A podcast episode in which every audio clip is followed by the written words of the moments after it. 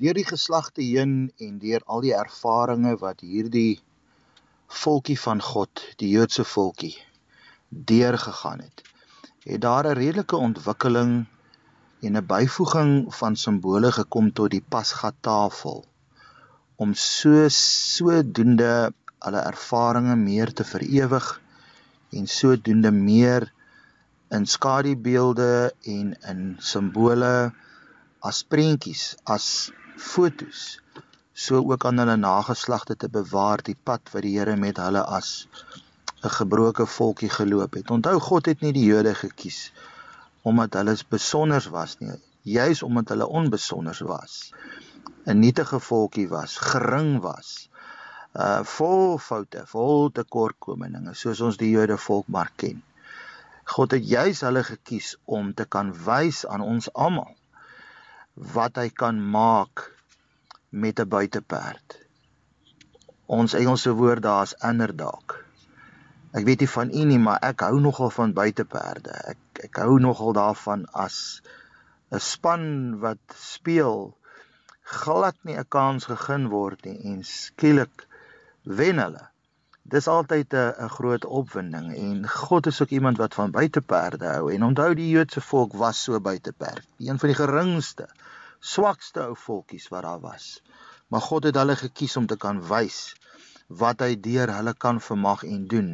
Hy het hulle gebruik as 'n sogenaamde lewendige sepie wat afgespeel het, maar 'n werklikheid, 'n werklike sepie, 'n ware verhaal van hoe God 'n volk van niks af tot iets kan kan gebruik om sodoende 'n getuienis te word vir die hele wêreld van wat God vir die hele wêreld wil doen. Nou hierdie hierdie uh, ongesuurde brood al simbole wat daar was tydens die Pasga en Eksodus was die bloed aan die deurposte, die lam wat hulle fisies moes braai en eet en die ongesuurde broodjies en natuurlik die hisoptak waarmee hulle die bloed aan die deure moes moes aanwend. Daar was niks anders nie. Maar die pasgetafel het deur die eeue en geslagte 5777 jaar het dit ontwikkel soos wat die volk ondervindinge gehad het. Historiese skrywers, antieke skrywers is almal met eens dat veral na die laaste Pasga wat Jesus met sy disippels gehou het, sy disippels verder hierdie Pasga nog simbole bygevoeg het om groter waarhede wat Jesus met hulle gekommunikeer het tydens daai Pasga, daardie waarhede met hulle deur te gaan en daardie waarhede te verewig in die Pasga. U moet onthou wanneer ons praat van messiaanse Jode, is dit nie 'n nuwe ding nie. Messiaanse Jode is nie goedjies wat nou onlangs begin het en mense wat nou onlangs begin het tot die insig kom nie. Jode wat uh, baie sterk beweging is in Jerusalem in Israel, baie sterk beweging en 'n baie sterk sendinggroep onder die Jode, die messiaanse Jode waarop hulle uitwys die Messias in hulle geloof, die Messias in hulle gebruike. En die Pasga is die mees unieke geleentheid. Die Pasga fees is die mees unieke geleentheid vir die messiaanse Jode om aan die ander mede Jode te kan wys. Maar hierdie Messias wat julle heeltyd op hoop en heeltyd op wag, dit is die Messias wat moet kom. Dit is die Messias wat uiteindelik gekom het, die een na wie jy gaan opkyk, die een wie jy deurboor het, sê Sagaria. Dit is die een wat gaan kom en jy gaan sien dat dit hy is wat jy al die tyd gekruisig het. So die messiaanse Jode het begin al in Jesus se tyd. Jesus was die eerste evangelis onder die Jode om vir hulle te sê dat ek is die Messias. Hy was die eerste een wat aan die Joodse volk verkondig het, maar ek is die vervulling van die belofte van God. Hier is ek dan. En hy het dit ook op die naaste pas, laaste Pasga so vir hulle gesê, toe hy onder andere deur die simbole gegaan het van die Paasfees. Toe hy by die brood gekom het gesê dit is my liggaam wat vir julle gebreek word.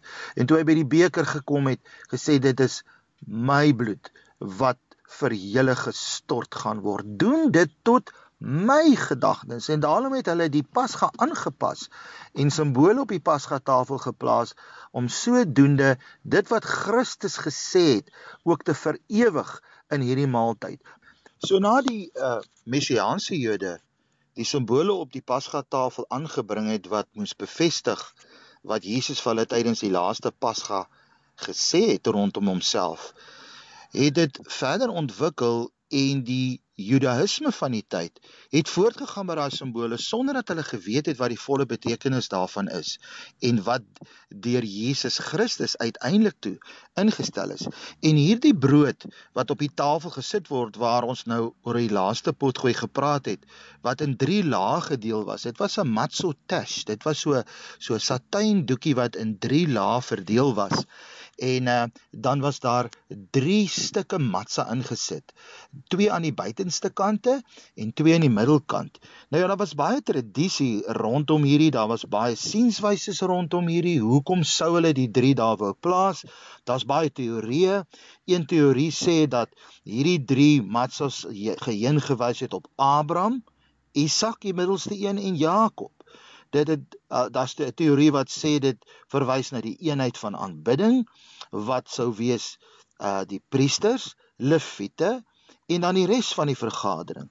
Dan was daar nog 'n teorie wat gesê het dit spreek van die eenheid van krone, die kroon van die profeet, die kroon van die priester, die kroon van die koning.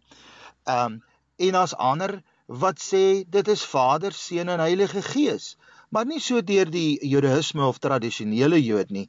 Um hulle sou dit nie sien as Vader, Seun en Heilige Gees nie. Ons het met die vorige geleentheid gekyk dat hulle eerder sou ook gesê het dit is die ontvangs van die twee kliptafels, die twee buitenstes en die middelste een was die brood van smarte.